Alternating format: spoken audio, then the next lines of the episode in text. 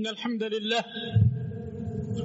نحمده ونستعينه ونستغفره ونتوب إليه ونعوذ بالله من شرور أنفسنا ومن سيئات أعمالنا من يهده الله فلا مضل له ومن يضلل فلا هادي له أشهد أن لا إله إلا الله وحده لا شريك له وأشهد أن محمدا عبده ورسوله صلوات الله وسلامه عليه نبينا وحبيبنا محمد صلى الله عليه وعلى آله وصحبه وسلم. قال الله تعالى في كتابه الكريم يا أيها الذين آمنوا اتقوا الله حق تقاته ولا تموتن إلا وأنتم مسلمون. يا أيها الناس اتقوا ربكم الذي خلقكم من نفس واحدة وخلق منها زوجها وبث منهما رجالا كثيرا ونساء واتقوا الله الذي تساءلون به والأرحام إن الله كان عليكم رقيبا. يا أيها الذين آمنوا اتقوا الله وقولوا قولا سديدا. يصلح لكم أعمالكم ويغفر لكم ذنوبكم. ومن يطع الله ورسوله فقد فاز فوزا عظيما. أما بعد فاعلم أيها الناس فإن أصدق الحديث كتاب الله وخير الهدى هدى محمد صلى الله عليه وعلى آله وصحبه وسلم. وشر الأمور محدثاتها فإن كل محدثة بدعة وكل بدعة ضلالة وكل ضلالة في النار Masyur muslimin sedang Jumat rahimakumullah Sudah menjadi fitrah bagi setiap manusia Pasti menginginkan keberhasilan Pasti menginginkan kesuksesan Pasti menginginkan keuntungan Pasti menginginkan kebahagiaan Dan sudah menjadi fitrah bagi setiap manusia Pasti tidak menginginkan kerugian Pasti tidak menginginkan kekurangan. Pasti tidak menginginkan kehancuran. Tapi ternyata mau atau tidak mau. Menginginkan atau tidak. Sadar ataupun tidak. Ternyata, ternyata yang namanya manusia selalu berada di dalam kerugian, kekurangan, kebinasaan. Karena Rabbuna Azza wa Jalla berfirman dalam surah insyaAllah ta'ala kita hafal bersama. Surah Al-Asr. wal asri innal insana lafi khusrin. Demi masa Allah Azza wa Jalla memulai surat ini dengan bersumpah. Menunjukkan setelah kalimat sumpah ini ada sesuatu yang sangat teramat penting yang Allah ingin kabarkan kepada manusia. Apa itu? Innal insana lafi khusrin. Demi masa sesungguhnya setiap manusia benar-benar berada di dalam khusr kerugian, kekurangan, kebinasaan. Masyur muslimin, sidang Jumat rahimakumullah. Seorang pedagang ketika dia ingin berdagang di atas muka bumi ini, yang paling pertama dia cari pasti adalah modal. Ketika pedagang itu mendapatkan modal, dia putar modalnya. Dia pasti menginginkan keuntungan. Tapi ketika seorang pedagang mencari atau mendapatkan modal, memutar modalnya terbagi menjadi tiga jenis pedagang. Yang pertama adalah pedagang yang rugi dan kerugiannya sifatnya total, full. Tidak dapat untung, modalnya habis, dililit hutang, mungkin keluarganya berantakan dan lain sebagainya. Nauzubillah min dzalik. Ada pedagang yang kedua, ketika dapatkan modal, dia putar modalnya, mengalami kerugian tapi tidak seperti pedagang pertama parsial sifatnya sebagian, tapi tetap rugi. Ada pedagang yang ketiga ketika dia dapatkan modalnya diputar modal dan mendapatkan keuntungan bahkan berlipat ganda luar biasa. Pasti kita ingin menjadi pedagang ketiga, ikhwan. Tapi ingat, seorang manusia hidup di atas muka bumi ini seperti layaknya seorang pedagang, ikhwan. Allah Subhanahu wa taala memberikan modal bagi setiap manusia. Apa modalnya? Allah Subhanahu wa taala berfirman di dalam surah Fatir surah 35 ayat 37 wa hum yastarikhuna fiha dan mereka penghuni neraka berteriak meminta kepada Allah Azza wa Jalla. Apa yang mereka minta? Rabbana akhrijna na'mal salihan ghaira alladhi kunna na'mal. Ya Allah Tuhan kami, keluarga kami dari neraka ini ya Allah, kembalikan kami ke dunia agar kami dapat beramal amal-amal yang dahulu kami tinggalkan. Amal-amal yang dahulu nggak kami kerjakan, itu agar kami dapat beramal saleh. Penghuni neraka minta kepada Allah dikembalikan ke dunia mau amal saleh. Apa jawaban Allah?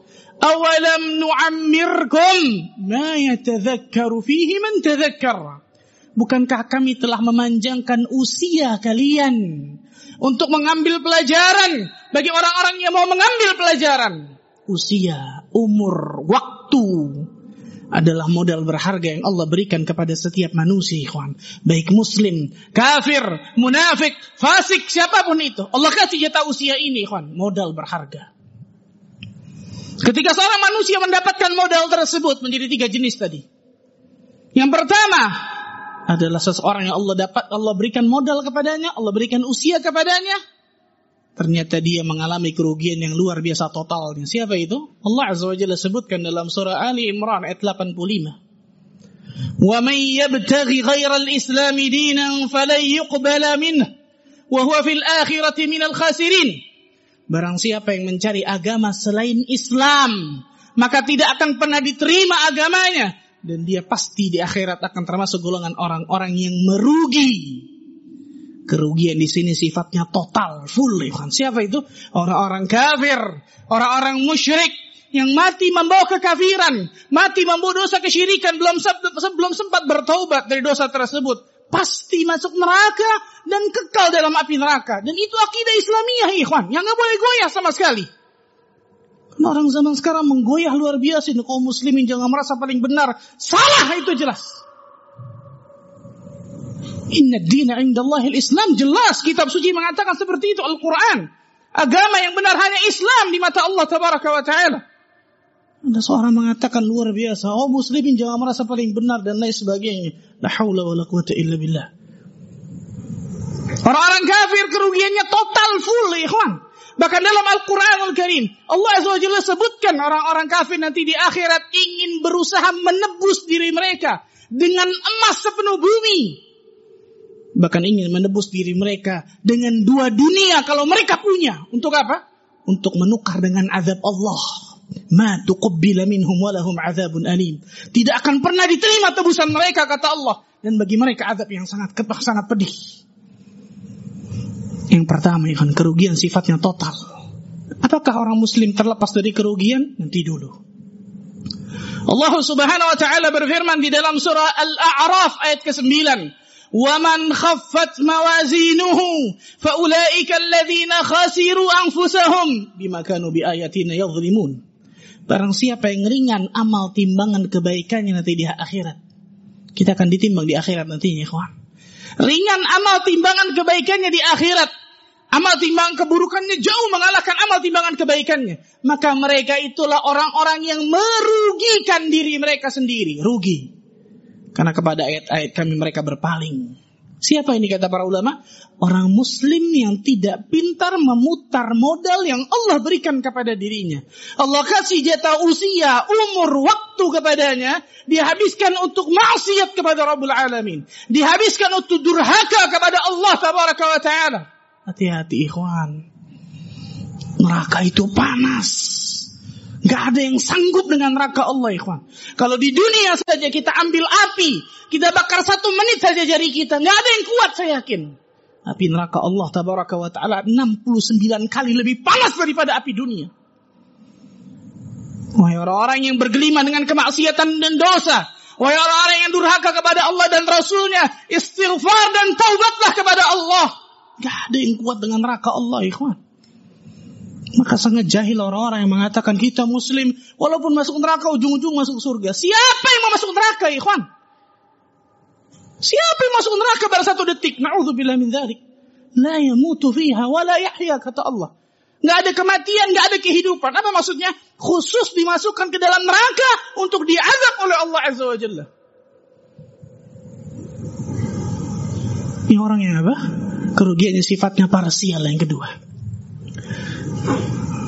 Dan orang yang ketiga, pedagang yang ketiga adalah orang-orang yang ketika Allah berikan modal, dia menjalankan modelnya dengan baik dan benar.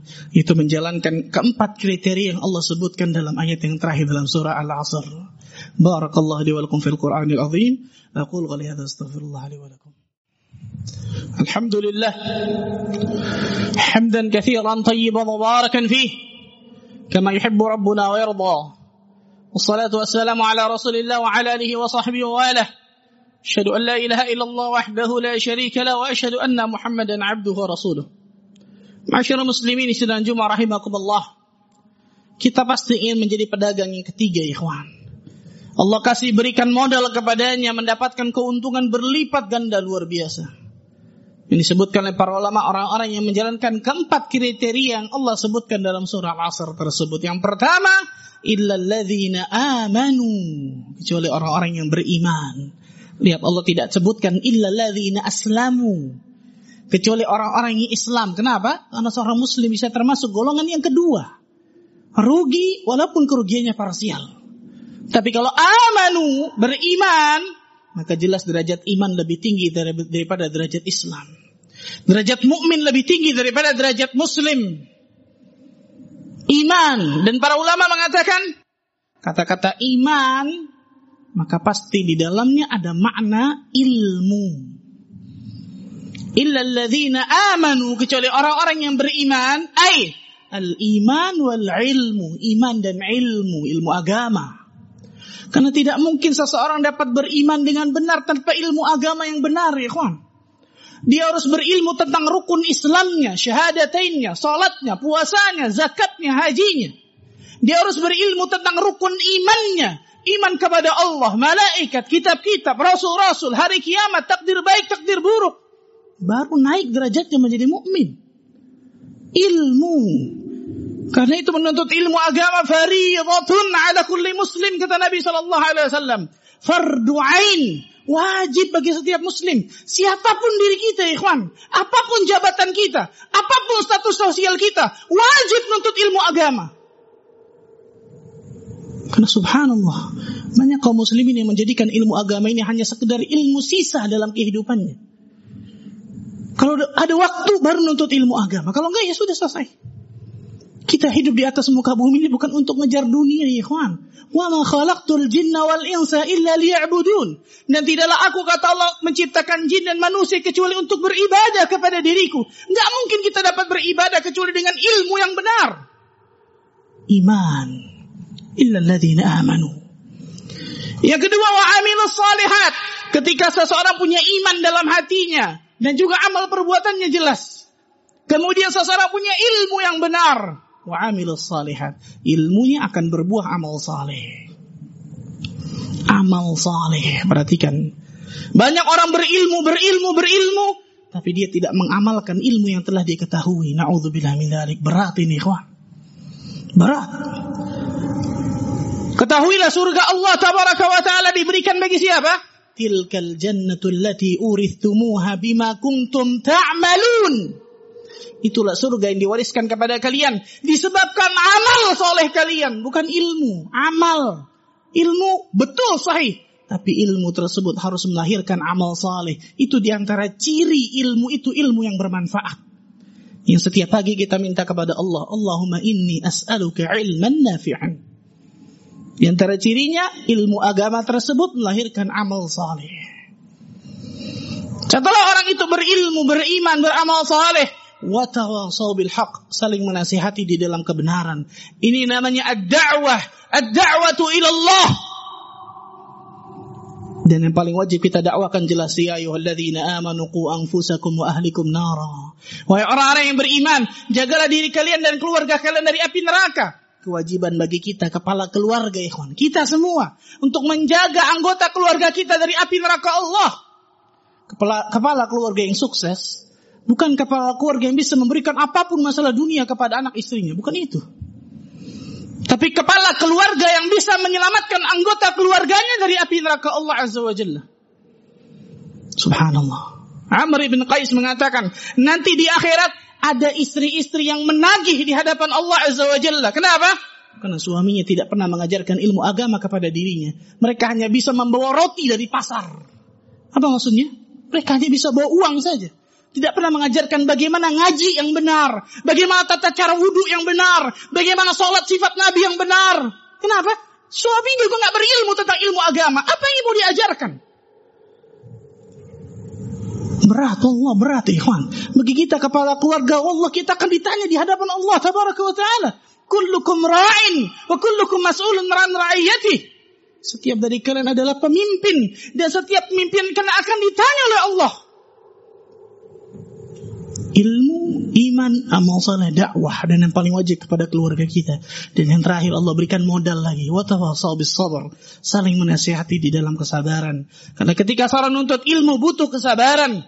Ketika seorang beriman apalagi di akhir zaman butuh kesabaran. Ketika seseorang beramal soleh butuh kesabaran.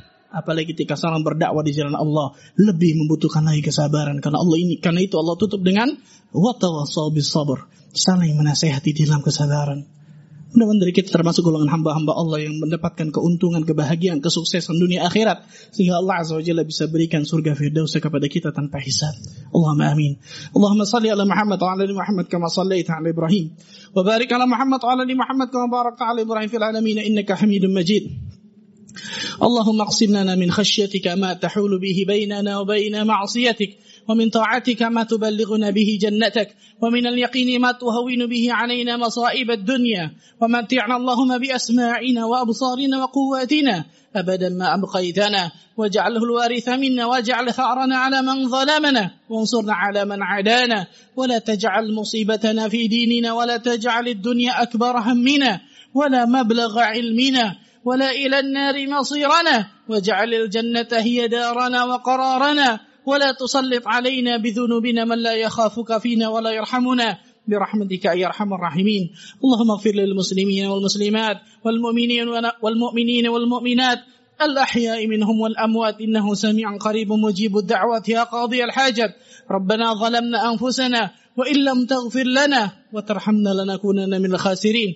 ربنا لا تزغ قلوبنا بعد إذ هديتنا وهب لنا من لدنك رحمة. إنك أنت الوهاب. اللهم إنا نعوذ بك من جهد البلاء ودرك الشقاء وسوء القضاء وشماتة الأعداء اللهم إنا نعوذ بك من زوال نعمتك وتحول عافيتك وفجاءة نقمتك وجميع سخطك. اللهم إنا نعوذ بك من البرص والجنون والجذام ومن سيء الأسقام. ربنا آتنا في الدنيا حسنة وفي الآخرة حسنة وقنا عذاب النار. والحمد لله رب العالمين. أقيموا الصلاة.